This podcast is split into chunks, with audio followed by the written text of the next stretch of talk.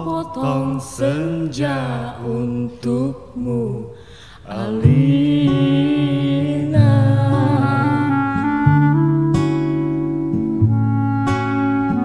Ku kirim padamu sepotong senja yang lembut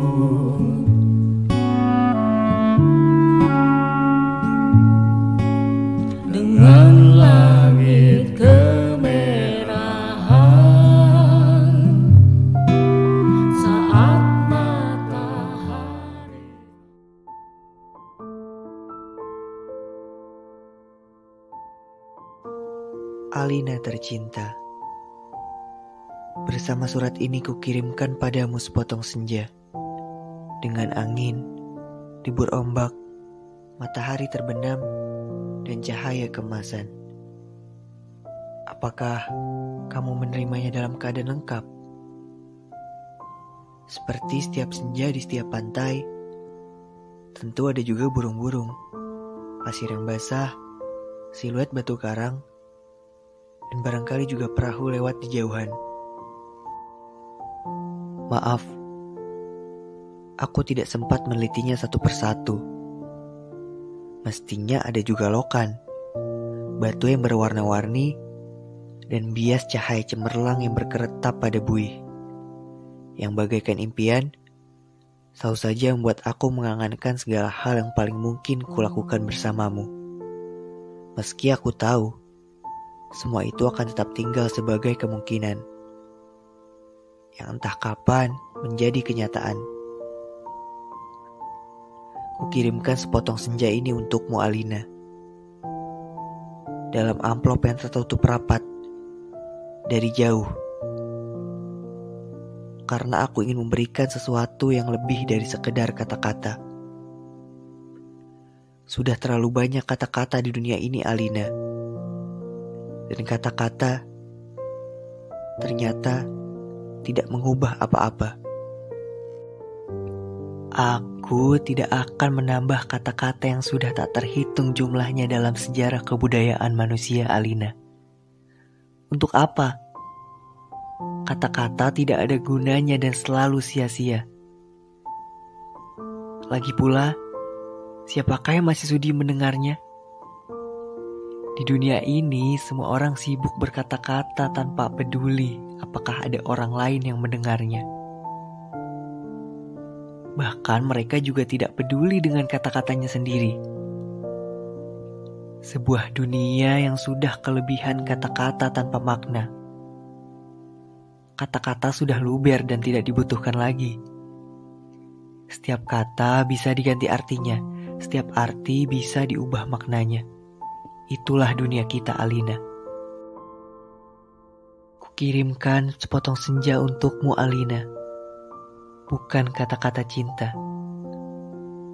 Kukirimkan padamu sepotong senja yang lembut dengan langit kemerah-merahan. Yang nyata dan betul-betul ada dalam keadaan yang sama. Seperti ketika aku mengambilnya.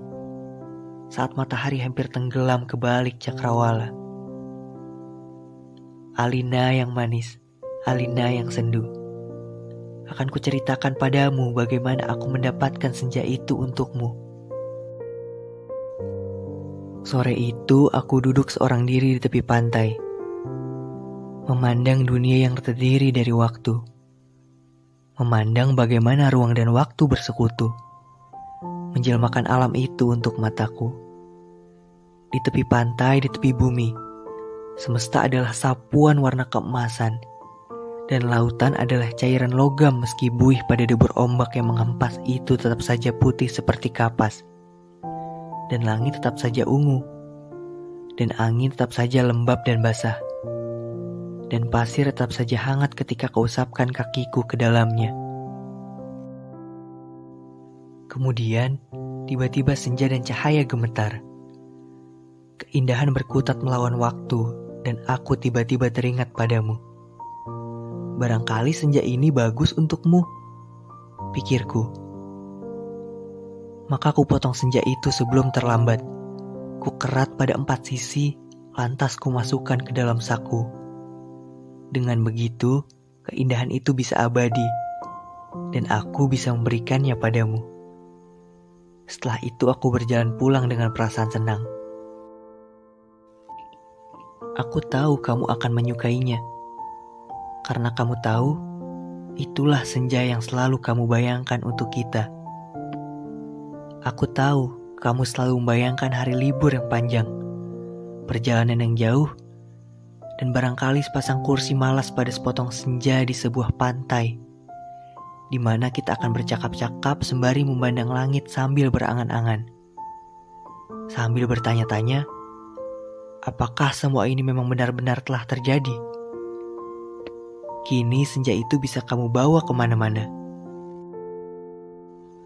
Ketika aku meninggalkan pantai itu, kulihat orang-orang datang berbondong-bondong.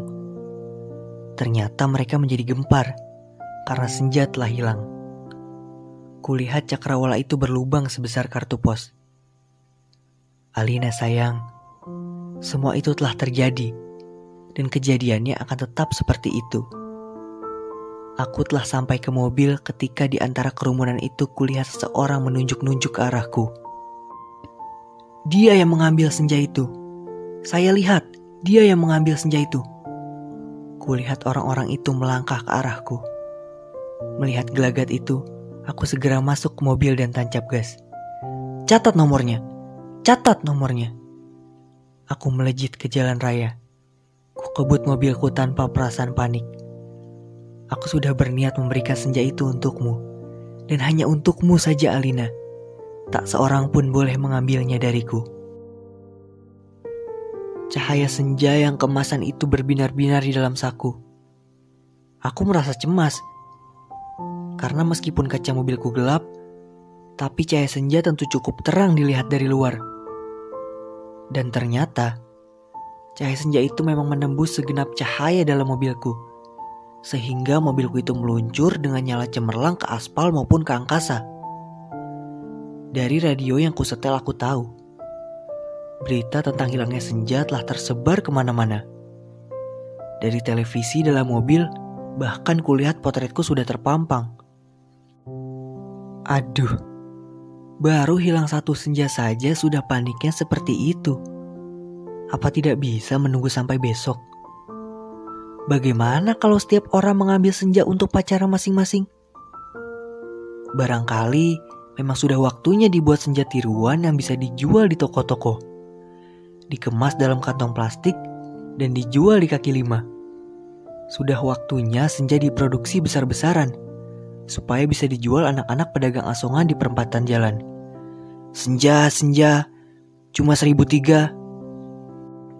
Di jalan tol mobilku melaju masuk kota. Aku harus hati-hati karena semua orang mencariku.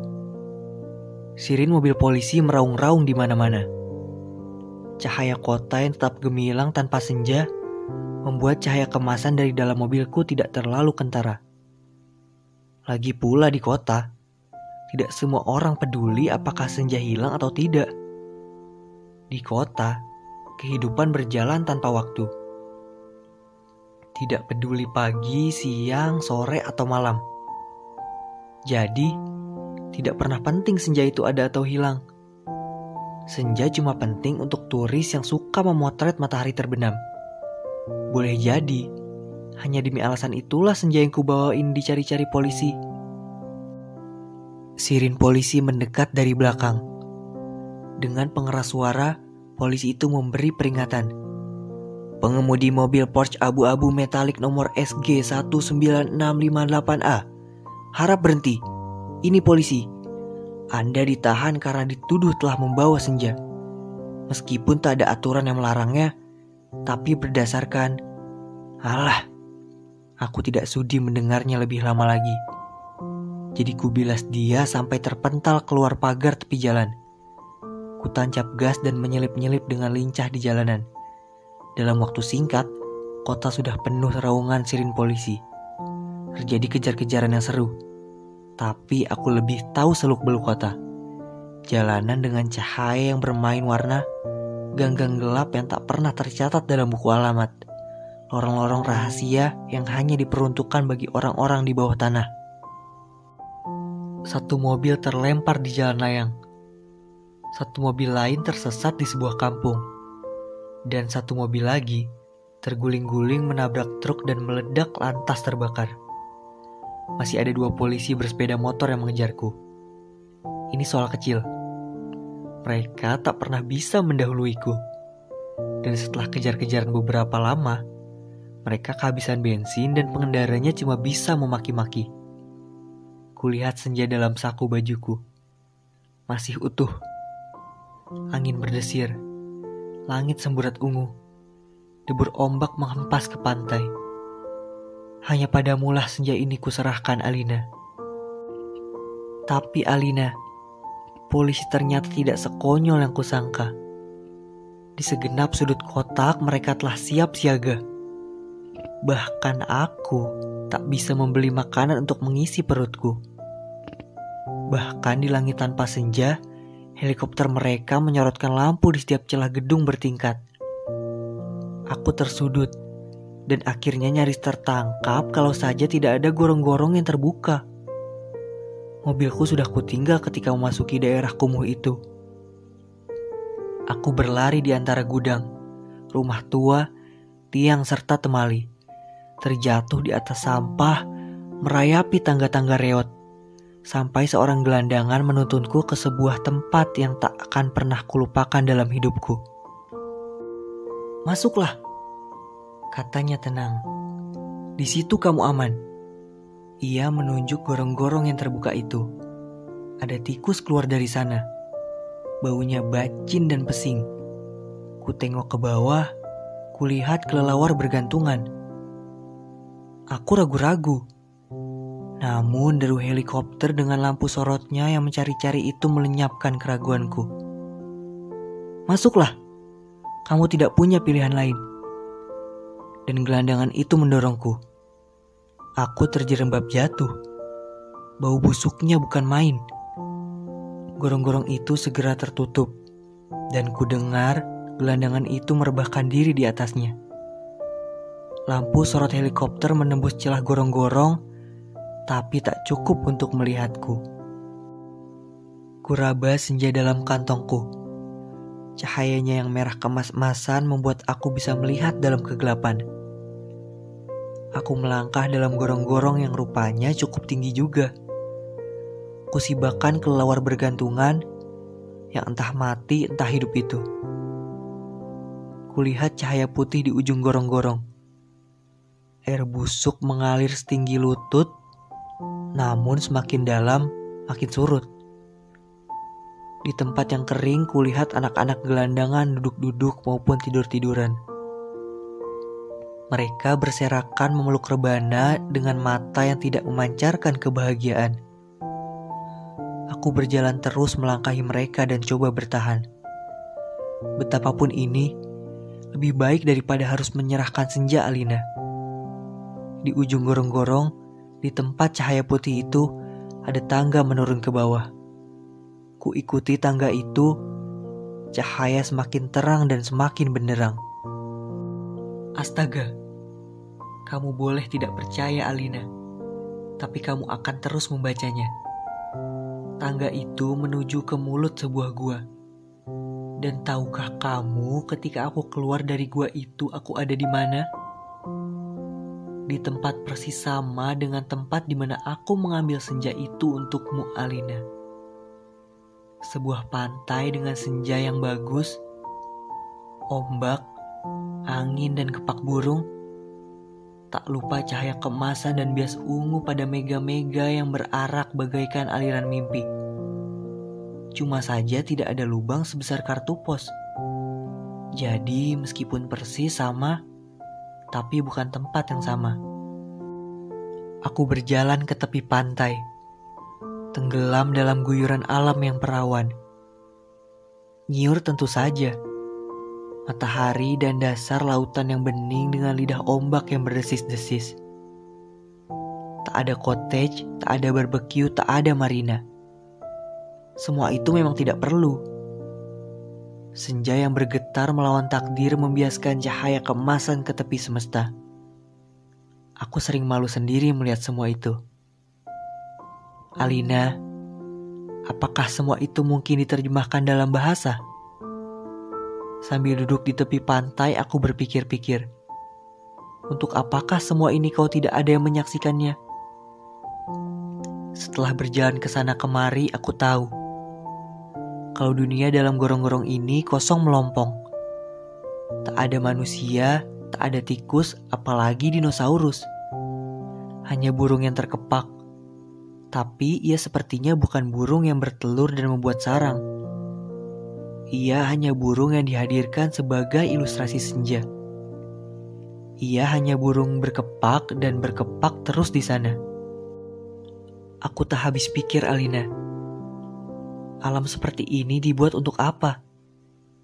Untuk apa senja yang bisa membuat seseorang ingin jatuh cinta itu jika tak ada seekor dinosaurus pun menikmatinya?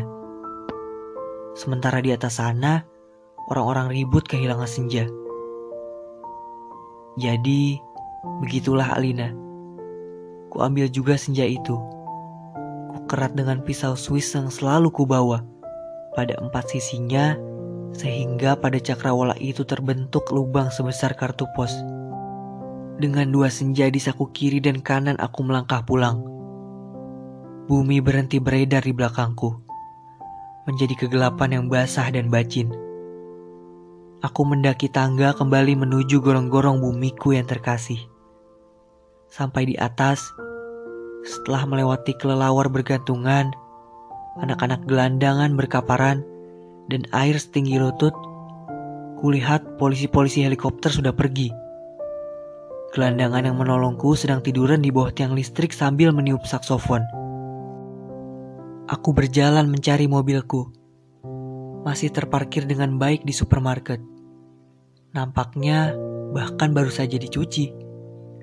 Sambil mengunyah pizza, segera ku kebut mobilku menuju pantai dengan dua senja di saku kiri dan kanan, lengkap dengan matahari, laut, pantai, dan cahaya kemasannya masing-masing. Mobilku bagai memancarkan cahaya ilahi. Sepanjang jalan layang, sepanjang jalan tol, ku tancap gas dengan kecepatan penuh.